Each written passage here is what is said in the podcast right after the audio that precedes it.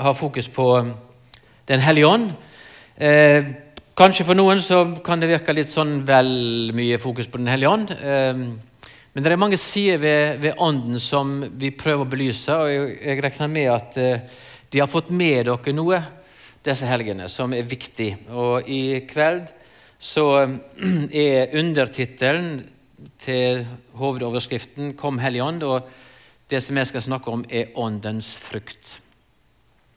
Og bare si det innledningsvis at uh, Når vi snakker om åndens frukt, så er adressaten den som er kristen. Det er en tale til deg som er et Guds barn, som har tatt imot Jesus Kristus som din Herre og Frelser. Uh, så um, om du er her som ikke har gjort det, så, så er jo ikke primært dette til deg, men du kan iallfall lytte på hvordan vi taler til de som er kristne når det gjelder åndens frukt. Så er det mange sider ved ånden som vi har belyst tidligere eh, helger. Utgangspunktet skal jeg ta fra eh, Galaterbrevet 5, 16-26. Nå hørte jeg snakke nynorsk, og jeg vanligvis bruker nynorsk bibel, men akkurat denne teksten tar det på bokmål. for det er noen vakre, fagre nynorskuttrykk inni der som de sikkert ikke vil forstå, de fleste. Så det blir å kaste perler for svin. Sant? Så jeg må ta det på Så jeg må ta det på bokmål. Altså, sånn så, eh, Spaklynne, sjølvtøyming, som vi har på nynorsk, det er veldig fyndige ord som vi, står litt annerledes på bokmål. da. Men vi leser fra Galaterbrevet 5, 16-26 i Jesu navn. Jeg sier dere, lev et liv i ånden. Altså dette til de kristne. Lev et liv i ånden. Da følger dere ikke begjæret i menneskets kjøtt og blod. For kjøttets begjær står imot ånden, og åndens begjær står imot kjøttet. Disse ligger i strid med hverandre, så dere ikke kan gjøre det dere vil.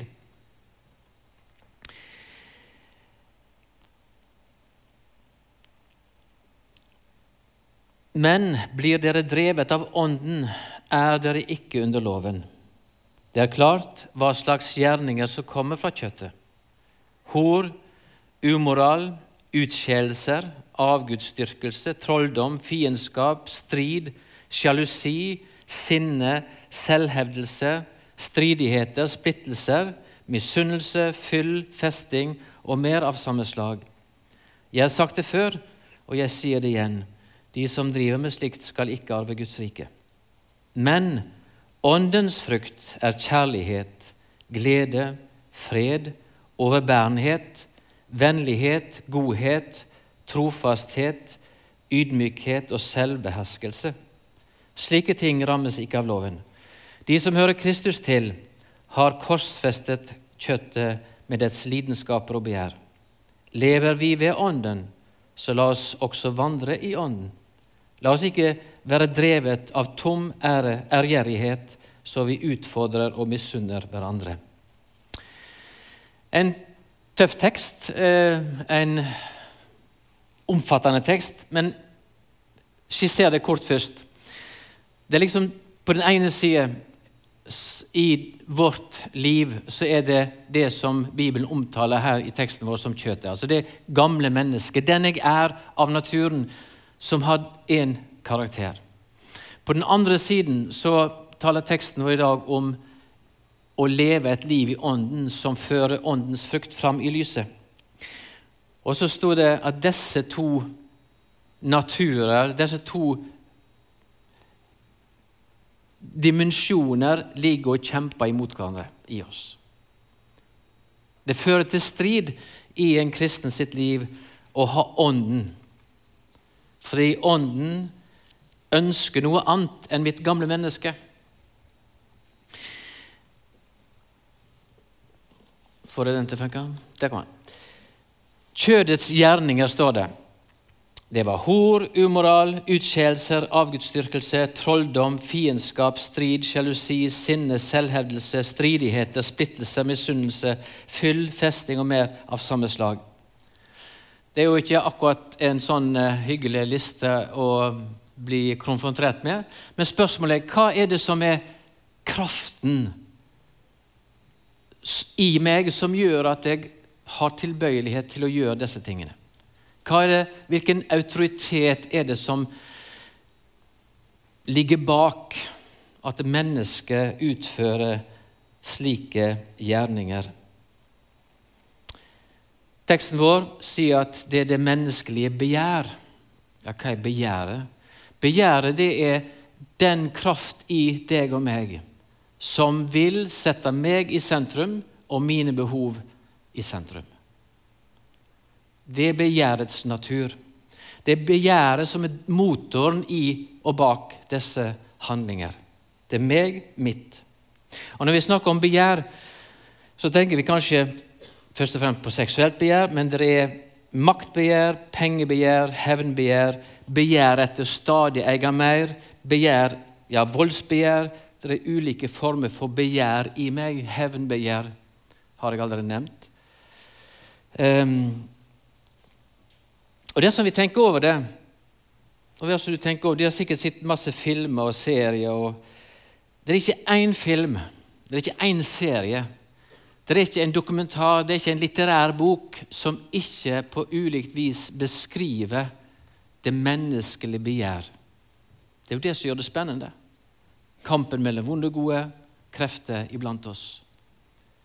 Og så maler det ut for oss, og som vi òg ser hvor destruktiv dette begjæret i meg kan føre meg Hvilke destruktive eh, konsekvenser det får i mitt liv hvis ikke jeg har grenser.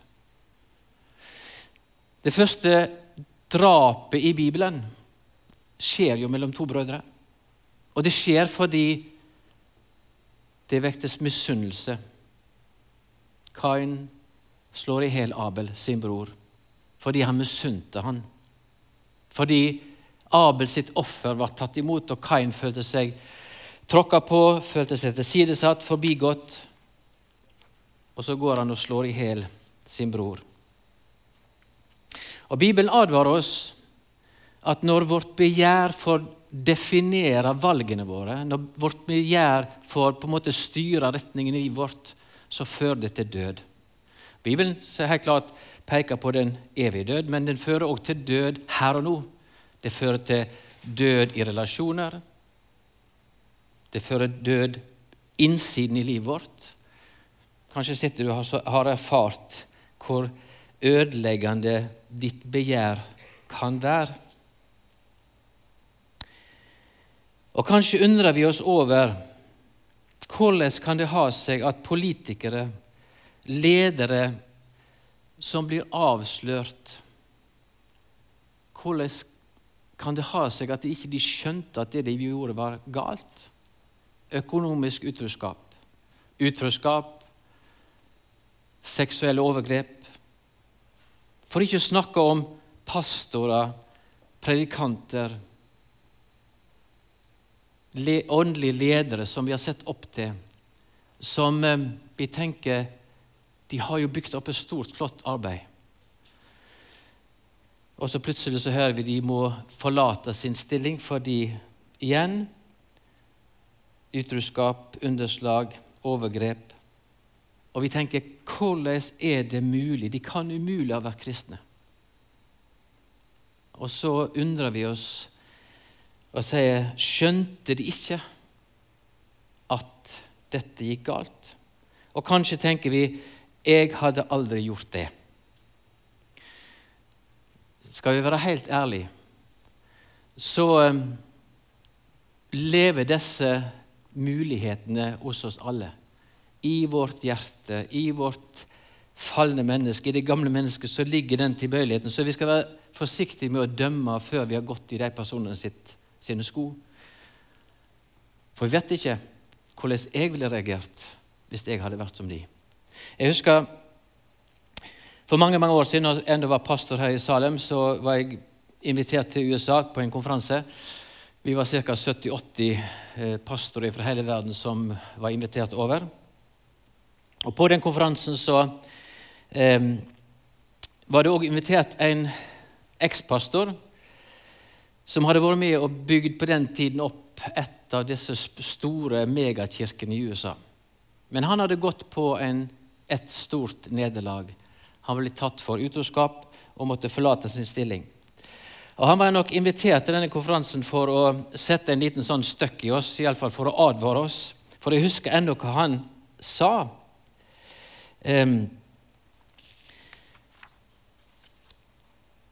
Han sa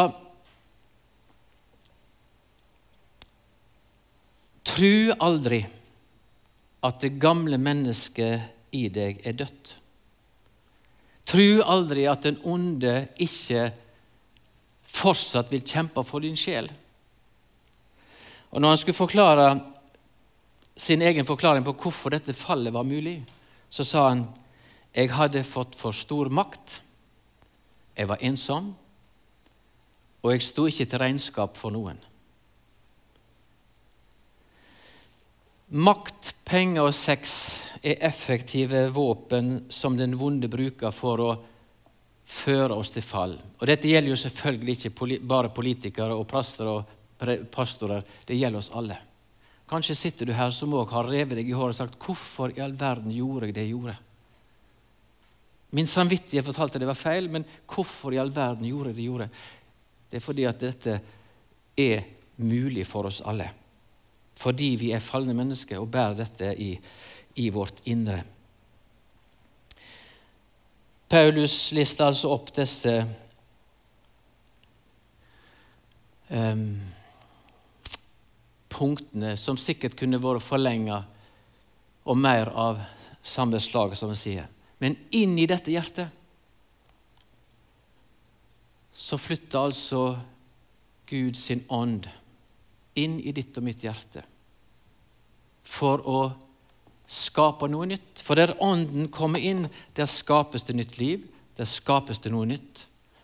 Og Ånden ønsker å virke sin frukt i ditt og mitt indre liv. Og Derfor skjønner vi når Ånden kommer inn, så blir det en annen stemme som forteller meg en annen fortelling. Jeg prøvde å lage et bilde, neste slide her, for Jeg har lyst til å understreke et lite poeng. Det står om kjødets gjerninger, og det er flertall. Men så står det åndens frukt i entall. Og Derfor har jeg plassert dette inn i et gravensteineple, for de som kjenner eplesorten.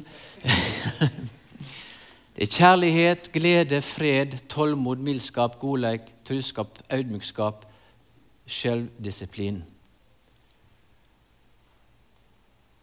betyr det at eh, gjerningene, når de står i flertall, det vil si jeg kan gjøre de enkeltvis. Jeg kan misunne naboen den nye, flotte bilen uten at jeg dermed trenger å drive hor. Henger de med? Jeg kan eh, være sint uten at jeg samtidig driver med fyll og festing. Men når du kommer til åndens frukt, så er det umulig å ha glede og fred uten tålmodighet, mildskap, godhet. Det er umulig å ha truskap hvis ikke du samtidig har kjærlighet, audmykskap og selvdisiplin. Henger det med? Så åndens frukt, det er alle elementer i åndens frukt henger sammen. Og de er ikke forankra i noe i denne verden, men de er forankra i den tillit og tro vi har til vår himmelske Far. Det er en sjelens tilstand som har funnet fred med Gud. Det er bare der Åndens frukt kan komme fram. Vi har funnet fred med Gud midt i en fallen verden, midt i det som vi har snakket om tidligere. Og i Johannes 14, 27 så sier Jesus fred etterlater dykk. Min fred gjev dykk. Jeg gjev dykk ikke fred på samme måten som verda gjør det. La ikke hjarta dykkar uroast, og vær ikke motløse. Og Filippa brev 4, 4-7. Gled dykk alltid i Herren. Enda en gang vil jeg si, gled dykk. La la alle mennesker få kjenne hvor godhjarta det er. Herren er nær. Vær ikke urolige for noe, men legg alt de har på hjertet, framfor Gud i bønn, påkalling med takkseiing. og Guds fred, som går over all forstand, skal vare deres hjerter og tanker i Kristus Jesus. Den freden som ikke verden kan gi. Det er der vi søker ofte trygghet, fred. Vi må ha noe som vi kan på en måte henge vårt liv på. Men Bibelen forteller oss at det vil svikte. Men det er en fred som du og jeg kan få lov til å erfare som tror på Jesus Kristus. Og det at han er konge, han er herre, han er frelser, og han skal til evig tid bestå. Derfor kan jeg legge mitt liv, mitt ufullkomne liv, i hans hender og si jeg trenger din nåde. Og jeg trenger din ånd. Jeg trenger din ånd til veiledning i livet mitt. For Ånden er min mentor, Ånden er min motivator, og Ånden er min veiviser i livet. Så hva er Åndens mål? Ja, Det er å få fram fruktene, men Åndens mål er å skape Kristus' karakter i deg og meg som tror. I Filippabrevet 2,5 så står det La det samme sinnelaget være i dykk som òg var i Kristus Jesus Det er sterkt. La det være samme sinn. Og det er det Ånden som virker når Han får rom i ditt og mitt hjerte. Og Så skildrer Paulus videre i Filipperbrevet 2 hvordan Jesus var i himmelen. Han stiger ned, han gir avkall på det. Han stiger ned, blir en tjener, går i døden for oss. Og Det gir grunnlag for at han igjen blir løftet opp og opphøyd over alle navn. Så når vi leser Det nye testamentet om Jesus, så får vi inntrykk i hva karakter var det Jesus bar med seg. Vi kan ta bare ett fra Det gamle testamentet, der det er profetert rundt Jesu komme. I Jesaja 53, 7. Han ble mishandla, han ble plaga, og han åpna ikke munnen lik et lam som blir ført til slakting, lik en sau som teier når han blir klipt. Han åpna ikke munnen. Jeg håper du med, henger med på Det er en helt annen karaktertrekk ved Jesus enn det som er mitt naturlige menneskets reaksjonsmønster. Så når det er strid, splid i det kristne fellesskapet, når anklagene fyker mot hverandre i alle retninger, når bitterhetens surdeig preger kommunikasjonsnivået vårt, så er det ikke åndens frukt vi ser, men det er kjødets gjerninger. Og Vi skal lese et litt lengre avsnitt fra Kolosserbrevet 3, 1-10. Og Her kommer det igjen. Er det da oppreisende Kristus? så søk det som er der oppe, der Kristus sitter ved Guds høyre hand. Vend deres sinn til det som er der oppe, og ikke til det som er på jorda. For det er døde, og livet deres er løgnt med Kristus i Gud. Men når Kristus deres liv åpenbarer seg, skal det òg åpenbæres i helligdom sammen med Han. Og så står det videre Så la da det jordiske i dykk døy og her kommer denne lastekatalogen som vi kaller det igjen. Hor, urenskap, lidenskap, vondlyst og trangen til alltid å eie mer, som ikke er annet enn avgudsdyrking. Alt dette gjør at Guds vreie kommer over de ulydige.